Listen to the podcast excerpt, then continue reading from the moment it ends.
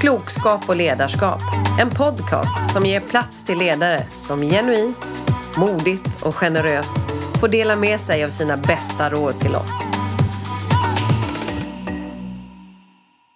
Idag är dagens tema hur vi som ledare kan arbeta som förändringsagenter i de verksamheter vi är.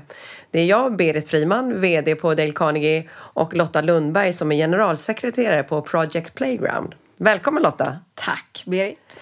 Vi pratar ju om olika saker, vi är olika världar, det är olika förändringar som styr oss och du är ju en person som har jobbat i förändring hela tiden egentligen sedan du började jobba eh, som ung, eller vad säga. Du är fortfarande ung men om du tittar tillbaka på det, vad är det du ser sticker ut när det gäller just förändringsledning från ditt perspektiv? Nej, men jag tror att det är några av mina första uppdrag var ju inom IT och det handlade ju precis om när, när vi stod in, vi gick in och liksom öppnade första versionen av internet via DOS. och utifrån den, det ingångsläget till där vi är nu med den här tekniska evolutionen som vi har sett så har det ju varit väldigt mycket förändringsuppdrag såklart. Där man under många år jobbade som konsult. Och det handlade ju inte bara om att bygga tekniska lösningar om att utan att förändra liksom, system bakom och arbetssätt och processer och hjälpa kunder med det.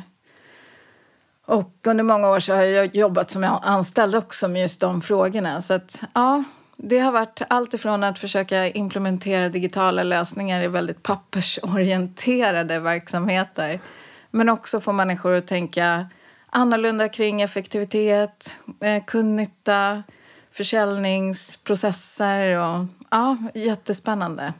Hur ser du, eller rätt sagt vad ser du fungerar för att få andra att förstå då någonting som de inte egentligen har förstått från början om man säger. Mm. Som du säger, om du går från papper till papperslöst och så vidare. Det behöver ju, den processen finns ju inte riktigt.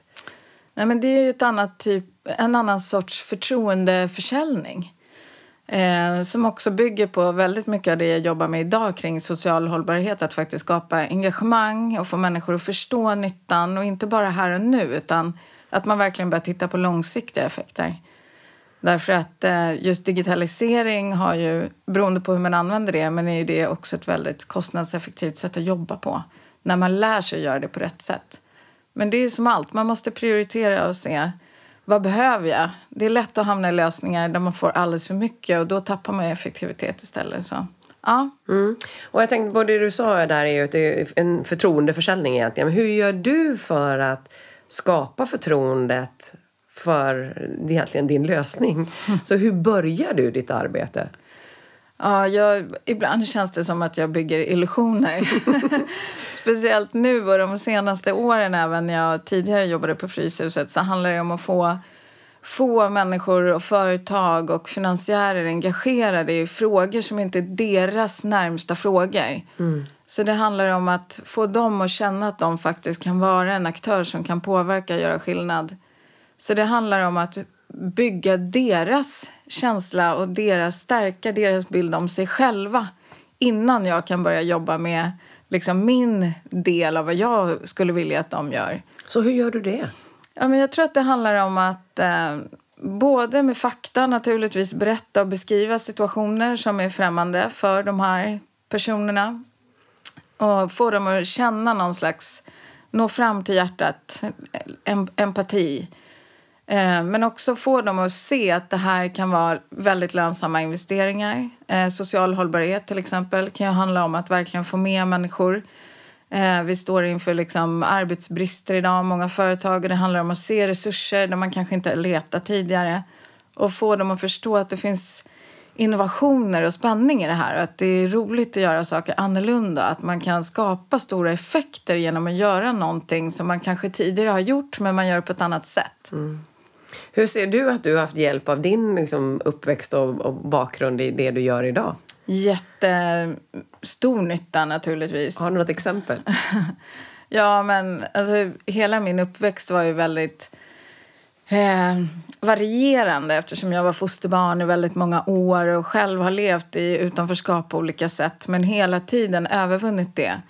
Eh, det var en gammal klok kvinna som sa till mig en gång att vi föds alla olika. En del av oss föds som stenar Och vi slänger vi dem i vattnet så sjunker de till botten och behöver hjälp för att komma upp.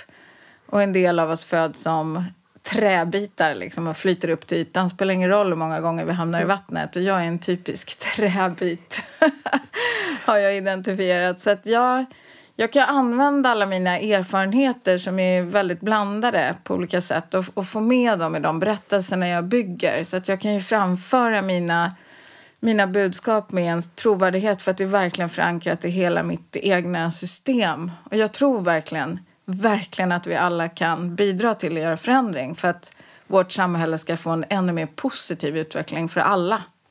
Så det jag hör egentligen att ditt eget mindset med genom att se möjligheter är faktiskt också någonting som skapar förtroende hos de personer som du pratar till. Ja, ja. Jag, jag, tror att allt är möjligt någonstans. Det finns bara massor med olika vägar dit och man behöver hitta rätt väg.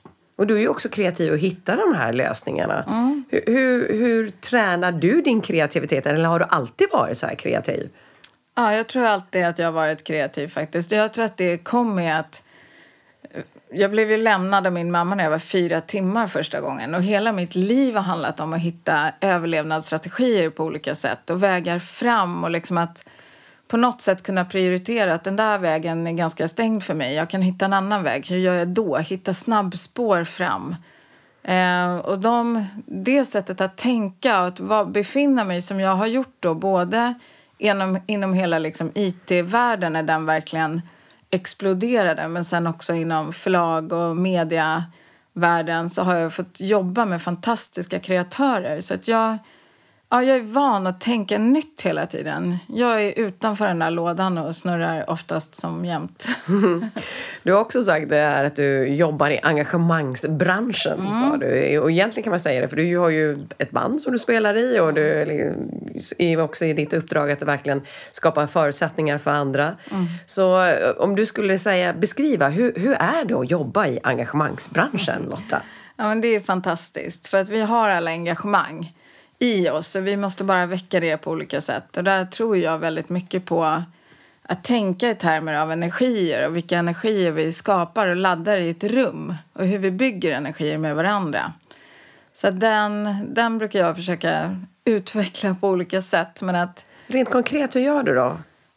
Ja, men det handlar till exempel om att, ja, men just när det gäller engagemang så handlar det om att få människor att tro på någonting. Eh, få människor att känna någonting och att skapa det här och nu. Det är liksom en live-upplevelse på något sätt. Eh, så det kräver ju att man träffas till att börja med. Men man kan vara hur många som helst egentligen. Vi gör det här med mitt, med mitt band eller så som artister arbetar så är det ju att man bygger upp en energi i en ganska stor lokal. Och den energin den blir så tydlig att man nästan kan ta på den i ett rum. Men sen när man har gått därifrån så har man med sig den här upplevelsen men att energin var den här färskvaran på något sätt som var här och nu. Så att jag tror även i liksom ett säljsammanhang eller pitchläge när jag kommer in i ett styrelserum och ska försöka liksom berätta om vad vi gör och varför jag vill att den här styrelsen ska vara med på den här resan så handlar det just om att få dem att känna att vi ska göra en resa och vi vill att ni ska följa med. Jag behöver få dem att förflytta sig från sin mentala kontext som de befinner sig i där och då till den verklighet som jag och min organisation jobbar med. Eh, och det kan man bara göra genom att väcka känslor. Men med de samarbetspartners som vi jobbar med så har vi byggt långsiktigt ett engagemang. Så att de känner ju också att de är en del av vår organisation. Och det tror jag är jätteviktigt för att någonstans in the end of the day är vi alla människor och vi söker alla efter sammanhang och vi vill alla på något sätt bidra faktiskt till en bättre värld och liksom eh, skapa bättre situationer för andra. Jag tror att det bor en slags solidaritet i alla människor. Men vi har olika sätt att aktivera det. Och jag försöker aktivera det nu för just Project Playground naturligtvis. Men det är faktiskt inte det viktigaste i ett möte för mig att man går in och börjar sponsra vår organisation. Utan det viktigaste för mig är att man börjar tänka lite, lite längre i allt det man gör. Man kan gå in och stötta massa organisationer eller inte någon. Men man kanske ändå börjar implementera förändringar i sin, sitt egna bolag som faktiskt kan resultera i effekter även för samhället. Så att engagemang handlar om att få oss alla att vilja ta ett steg till liksom, i en positiv riktning. Och det jag hör är ju också att du jobbar för att ha väldigt långa, långsiktiga relationer och i Absolut. det hela tiden skapa ett värde. Och jag tänkte på utifrån att det handlar om engagemang. Hur, hur gör du själv för att fylla på ditt engagemang? För att du är ju en person som säger som ger mycket och ser och känner vad du behöver liksom ge mer av. Hur gör du för att liksom ladda batterierna själv? Men jag, jag tror att jag har lärt mig ganska tidigt hur jag ska generera energi i olika situationer. Så att jag dränerar inte mig själv utan någonstans är jag, jag är en passionsmänniska. Jag liksom drivs av lusten att göra saker.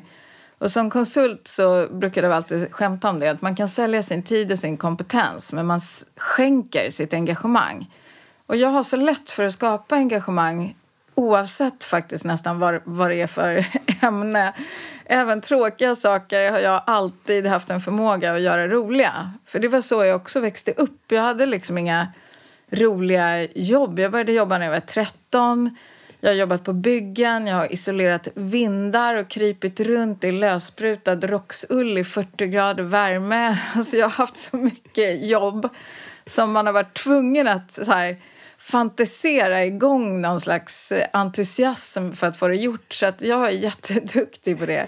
Men jag märker också på kollegor och andra som inte har tränat på det här att faktiskt självgenerera energi. Därför att när man är inne i intensiva faser och liksom krisartade situationer då tappar man sin energi och det går ganska fort. Och jag tror inte att den långsiktiga lösningen är ju aldrig att någon annan ska fylla på den åt dig. Så de här människorna blir oftast personer som kanske ofrivilligt suger energi från andra också. Så att man måste träna på att hitta sitt sätt. Och det är engagemang. Återigen, det är den här fantastiska engagemangsbranschen. Mm. Men jag tänkte på, du, jag hör ju att du är duktig på att hitta det själv som säger och du har tränat på det mycket. Om vi nu har en grupp som vi jobbar med där vi känner då som sagt att alla kanske inte liksom tar sitt ansvar eller känner eller förstår att de behöver vara mer engagerade. Vad, har du några tips och idéer? Vad kan man göra för att få en grupp mer engagerad? Ja, men det, man kan göra det på massor med olika sätt. Och liksom framförallt är ju ordet grupp en, en nyckel. Ordet grupp är en nyckel. Eh, därför att det handlar ju om att göra saker tillsammans. Och när en liksom inte failar men börjar liksom bli svag så kan de andra stärka upp. Men jag tror också att just det här med att jobba i kreativa processer det, det krävs att man har haft tråkigt. Det krävs att man har misslyckats för att kunna lyckas. Det krävs att man har haft tråkigt för att kunna ha roligt och skapa energi. Det är liksom hela tiden den här balansen. Så, så fort saker och ting flyter för jämnt, det är då, då har man inga toppar och inga bottnar. Jag tror att det är topparna och bottnarna som skapar vår innovationskraft. Liksom. Det är där vi hittar det, när vi bryter mönster. Så att, eh, jag har tipsat mina kollegor om allt möjligt ifrån att det här är standard. Hoppa av olika tunnelbanestationer, hitta nya vägar till jobbet, gå en dag. Vi kör mycket möten i rörelse, walk and talk meetings. Vad skapar det då? Ja, men det skapar en helt annan energi. och det är den man behöver. Ja. Jag tänkte på eh, just utifrån att du försöker liksom skapa just de här förutsättningarna och det jag hör är att du, du roddar ju runt lite i deras förutsättningar och mm. miljöer. Vad är det då, hur, hur ser du att du får ett resultat av det? Hur märker du på en person att den liksom, ja, det här händer någonting? Är det någonting de säger eller är det någonting de gör eller? Nej, men det kan nog märkas på olika sätt. Alla är ju olika. En del kanske man ser det direkt i att man presterar annorlunda men andra kanske för att de bara mår bättre. Eller. Men jag tror ju väldigt mycket på eget ansvar. Och jag tror liksom att många av de chefs och ledaruppdrag jag har haft där handlar det om att man har ett extremt tydligt resultat att uppnå. Så att där måste man hitta andra lösningar också för att ta hand om individerna och människorna. Speciellt skulle jag ändå säga att det ideell sektor skiljer sig till viss del från näringslivet. Att man sätter den delen av människan väldigt högt på ordningen. Och det är liksom ett nytt sätt att tänka för vi har ju också väldigt tydliga resultat att uppnå. Men eh, jag tror man ser det på olika sätt. Man måste hela tiden blanda. Man måste som ledare se var, vad är mina styrkor och svagheter? Var tar min kunskap slut? Var behöver jag förstärka upp den med andra? Och inte tro att man som chef ska kunna klara och hantera alla situationer, alla människor, alla deras utmaningar själv.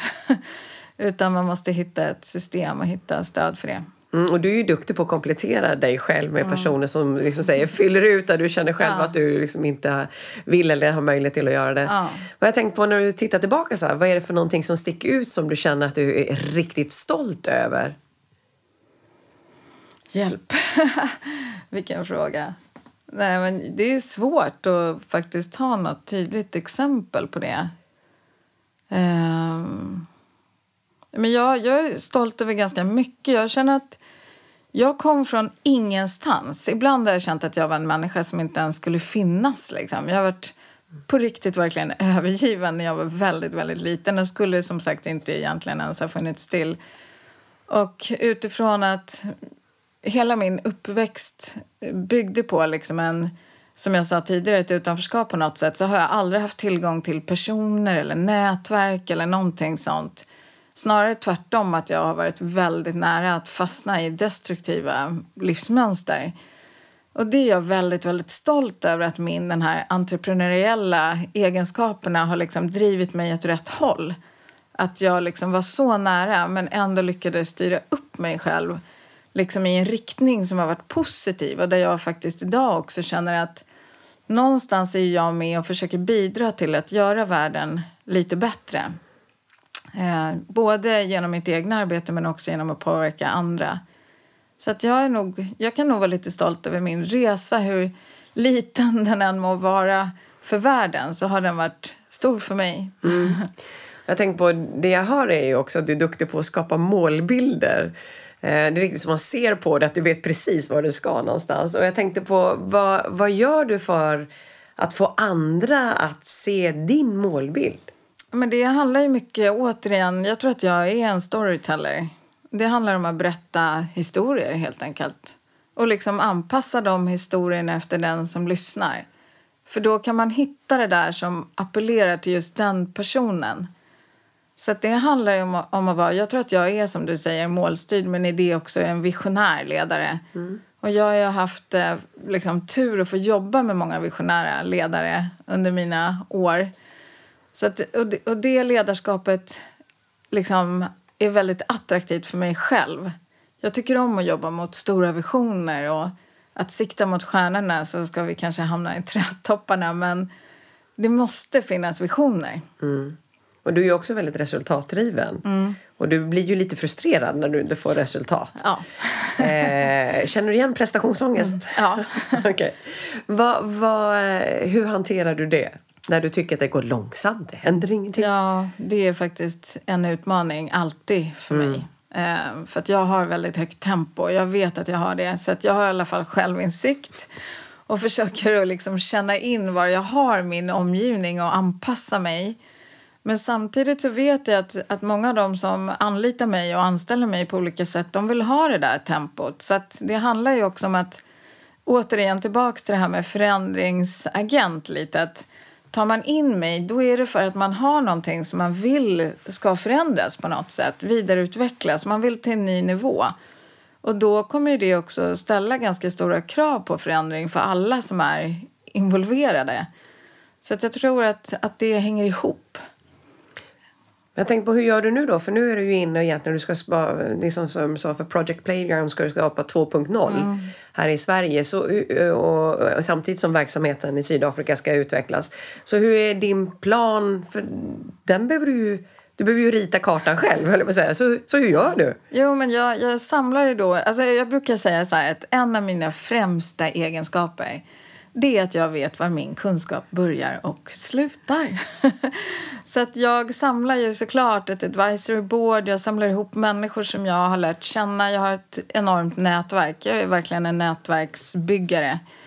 Eh, och i det nätverket finns det människor som kompletterar mig på en miljon olika saker. Så att jag samlar dem.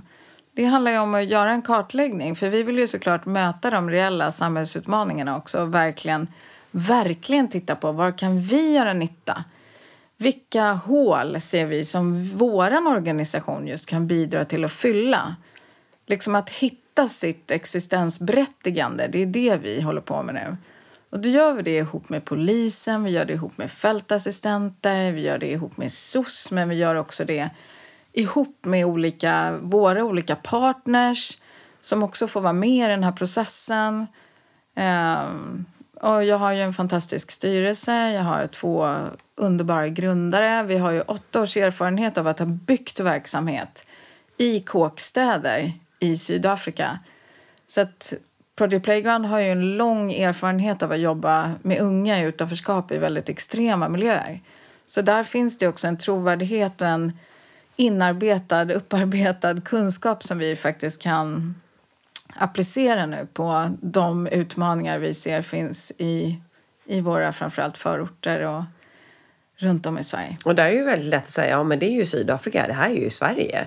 Mm. Hur, hur, får du, hur, får, hur, hur, översätter du det så att säga till svenska förhållanden? Ja, det, det är faktiskt, eftersom jag då är en översättare så är det inget svårt för mig. Utan jag ser de här likheterna, jag såg dem direkt första gången jag kom ner till Sydafrika.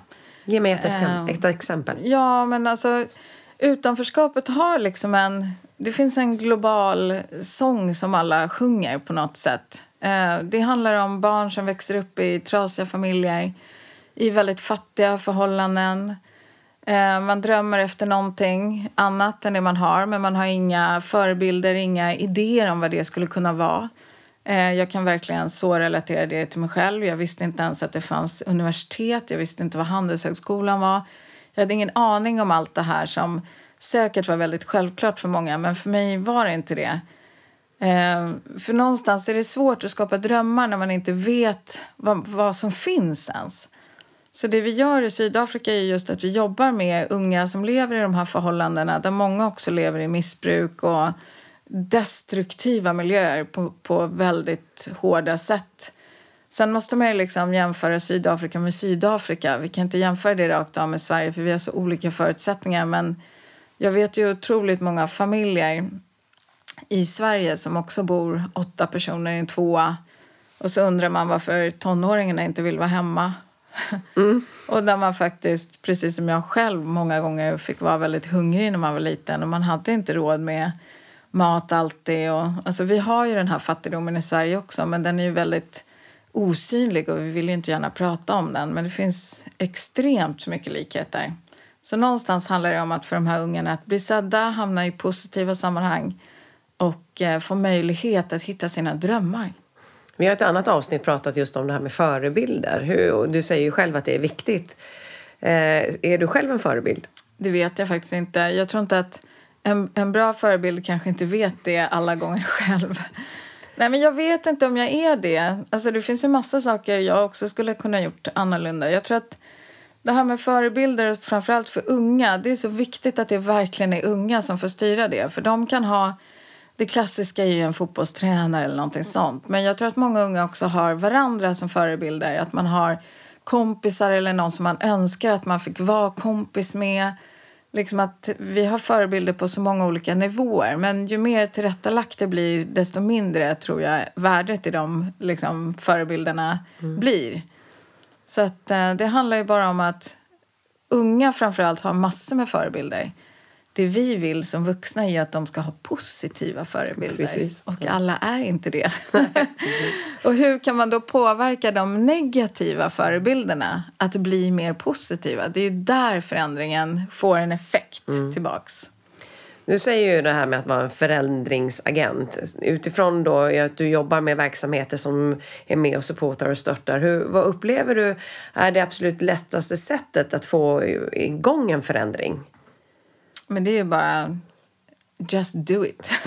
ja, det låter ju så enkelt. ja, men alltså man kan börja i det lilla. Man behöver inte alltid göra de här stora förändringarna. Och det är precis på samma sätt som jag pratar med privatpersoner också. Att många kommer ju bara, åh gud, jag skulle behöva bli volontär tio dagar i månaden och oj, oj, oj, och vad skulle jag kunna göra då? Till slut blir det så stort. Så de har tappat all sin energi i det här innan de liksom ens har börjat. Och så blir det bara en jättebesvikelse på nyårsafton när man sitter och bara, jag blev ju inte volontär i år. Gud så dåligt. Ja. och jag tror ju mycket mer på det här att man kan göra skillnad i det sammanhang där man befinner sig.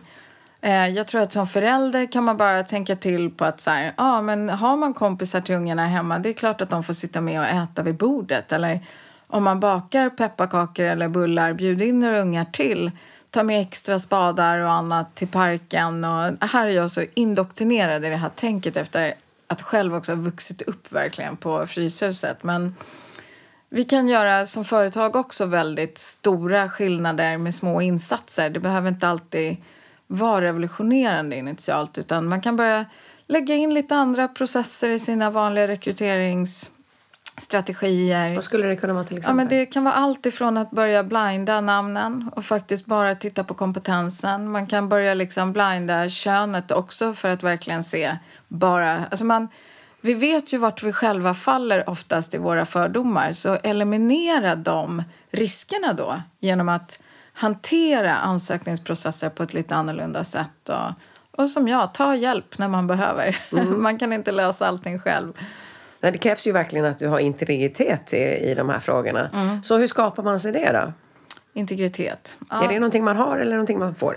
Ja, men jag tror nog att det kan vara både och. Det är ett väldigt spännande ord det där som man kan använda på väldigt många olika sätt faktiskt. Och det kan verkligen vara både positivt mm. och negativt. Så att uh, det negativa, det, det liksom... Integritet för mig handlar om att, att, kunna sätta gränser liksom. och kanske också i det klara av som ett företags sätt att prioritera och tänka att vi gör det här nu och så försöker vi göra det bra och sen tar vi nästa steg. Jag tror att när man inte har tydliga gränser så blir det oftast för stort och väldigt hög risk för ett failure som sen slår tillbaka så att vi inte är bra på det där. Uh, istället för att faktiskt kunna fira de små segrarna på vägen istället. Mm. Du är ju, om man säger street smart, är ju att hitta rätt personer som du säger som kan hjälpa dig.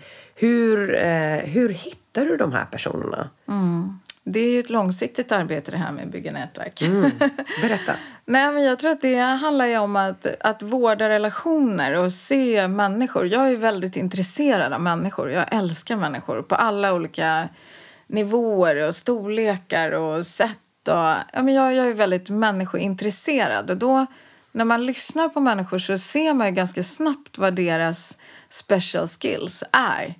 Och sen kommer jag ihåg det. Så jag vet liksom att allt ifrån att jag söker en utvecklare som kan Pike eller att jag behöver liksom någon som är expert på liksom finansiering av en speciell karaktär eller juridik. Eller, jag har liksom träffat väldigt mycket människor under min resa och varit tillräckligt klok kanske för att liksom behålla dem på ett eller annat sätt. Så att, ja, jag, jag har ett otroligt nätverk. Och jag uppskattar det. Det, det har ju förgyllt alla mina år. Liksom. Det är roligt.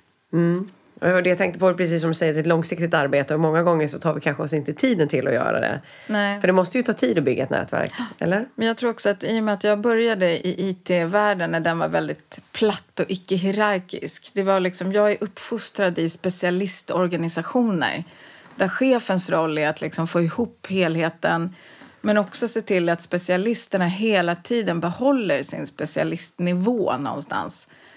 Och där handlar det om att verkligen förstå vad alla specialiteter är. Liksom, när man jobbar med ett bolag som värderas utifrån människors kompetens och, och, och kraft att, att påverka. Så att, ja, jag, jag tror bara att jag nästan tappade bort där, själva frågan.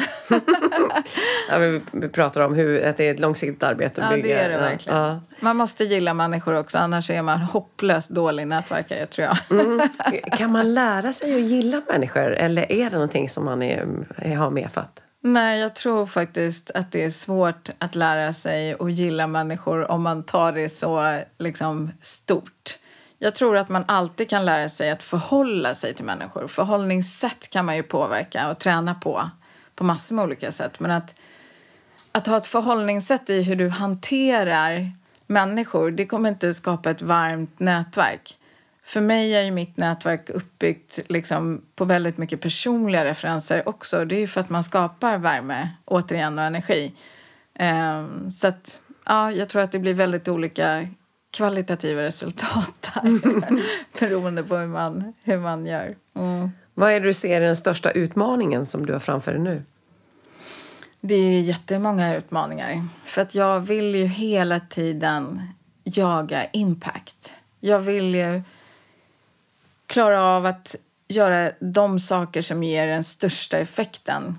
Jag tror att det är där vi måste vara nu när vi är så relativt få förändringsagenter i den här samhällsutvecklande eh, området. Så att det är att hitta effekter, att hela tiden hitta skalbara lösningar som går att dela.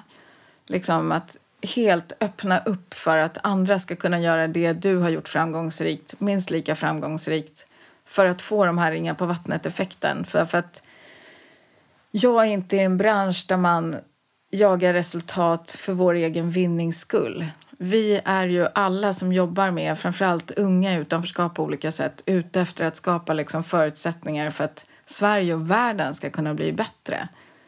Så att eh, utmaningen är att hela tiden välja rätt spår försöka hitta innovationskraften i det spåret så att det blir skalbart och kan bli användbart för många. Vad behöver det vara för liksom ramar för att just innovationskraften och kreativiteten ska kunna bli hållbar? För på något vis, när, om det, in, om det är liksom utan ramar så blir det på något vis som du säger omöjligt att skala och det kanske blir för komplicerat. Och... Men jag tror att det handlar väldigt mycket om att hitta mätbarheten i sociala effekter. Mm.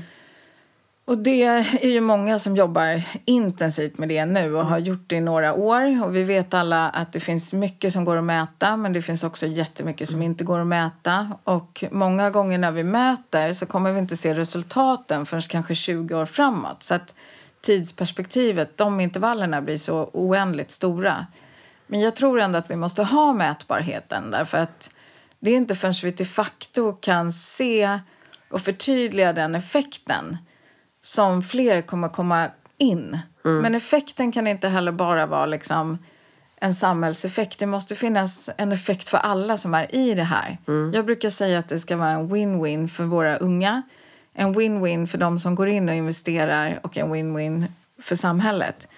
Så att någonstans handlar det om att alltid hitta värdena. För det går alltid att paketera om saker. Det går alltid att hitta lönsamhet för alla den finns där. Så det är bara att man ska leta, leta, leta tills man hittar det som mm. gör att det blir rätt för precis ditt företag liksom, att gå in. Mm. Men effekten är helt... Det är det som är det viktiga. Jag tänker på, det är ju också många människor som tycker väldigt mycket i din bransch. I min bransch också i och för sig. Och då blir det ju lätt att det blir liksom, ja men jag tycker jag har rätt eller nej men jag tycker jag har rätt. Så mm. det blir ju ibland liksom konflikter eller åsikter som verkligen clinchar mm. in i varandra. Hur, hur reagerar du när du hamnar i de här konfliktsituationerna? Jo men det, det är jätteintressant faktiskt därför att hela det här engagemangsbranschen mm. och att påverka blir ju väldigt lätt åsiktsbaserat mm. och politiskt. Eh, och nu är vi mitt inne i ett valår och det är väldigt laddade frågor. Eh, och det blir i Sverige också väldigt partipolitiskt ofta. För att politiskt tycker jag att det kan få vara. För vi är alla mer politiska än vad vi tror. För politik är ju åsikter och värderingar någonstans. Så att... Eh, Ja, jag tror att vi... Um... Vad händer med dem när det blir konflikter? De här åsikterna ja, kraschar in i varandra. Konflikter. konflikter är kreativt, det är min grundinställning. Det är jättebra. Det är ur konflikter lösningarna föds. De föds inte i konsensus.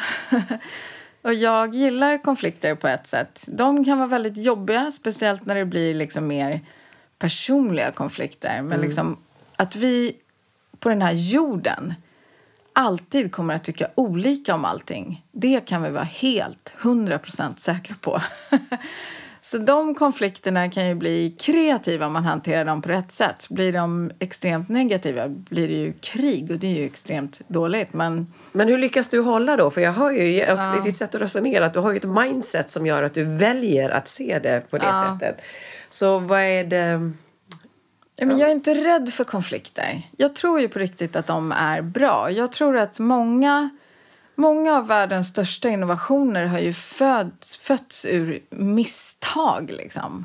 Och på samma sätt av konflikter därför att man inte har varit överens och varit tvungen att hitta en gemensam väg framåt. Och det kräver ju mycket för att man ska kunna göra det. Men det kräver ju också att man tar ansvar antingen för att försöka så länge som man kan eller ta ansvar för att sluta försöka med en viss punkt och gå. Eh, men min grundinställning är att konflikter är bra. Jag är fullt medveten om att de flesta tycker det är jättejobbigt med konflikter. Och eh, när det blir personligt och privat, då blir det ju jobbigt. Men man får ju ha någon slags bra känsla i, i de här situationerna. Jag... Men du, du berättade för mig också att du tränar mycket på det här med att hantera konflikter. Kan ja, du inte berätta om det exemplet? Nej, men det, det var en konflikt som jag hade med på en tidigare arbetsplats för länge sedan med en kollega. Och då, ja, det, det kan ju vara såna här konflikter som man faktiskt inte vet vad de beror på. För att vi är människor och vi har våra energier och vi klickar med vissa och vissa klickar vi inte med. Och den här personen klickade absolut inte med mig. Och jag förstod inte riktigt så här, för jag är så lösningsinriktad. Så jag är så här, vad kan jag göra annorlunda? Hur kan jag förändra? Vad kan jag göra? Och sen tycker jag att jag har försökt massa vägar och ingenting händer. Och då fick jag ett mejl eh, mitt med ett erbjudande från en person som gick en utbildning som skulle börja jobba som medlare och erbjöd en liksom gratis session för två personer som hade en arbetsrelaterad konflikt. Att i princip då gå i parterapi. Så att jag skickar ju glatt och hurtigt denna inbjudan vidare till den här personen med förklaringen att du och jag kommer ju inte speciellt bra överens. Skulle vi inte prova på att, att gå på det här så kanske vi faktiskt kan lära oss att, att få någon slags ny acceptans kring varandra. Och den här personen gick ju faktiskt med på det.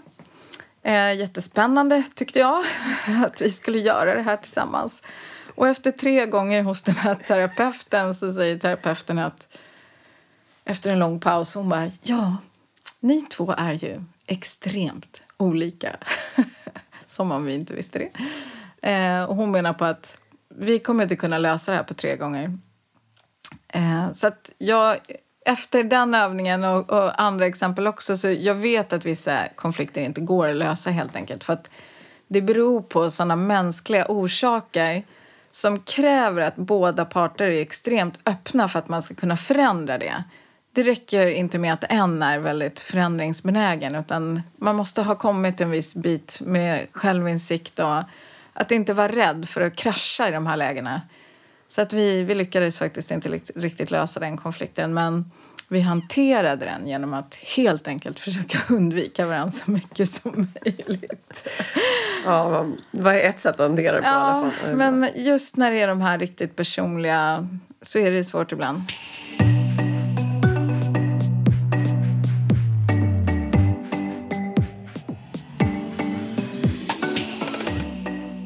Jag tänkte på utifrån att du är ut, faktiskt en förebild för många just utifrån att du vågar ta chansen, du vågar göra saker och ting som andra kanske skulle inte våga för att de inte har de färdiga resultaten eller ser inte riktigt vad det färdiga resultatet kan bli.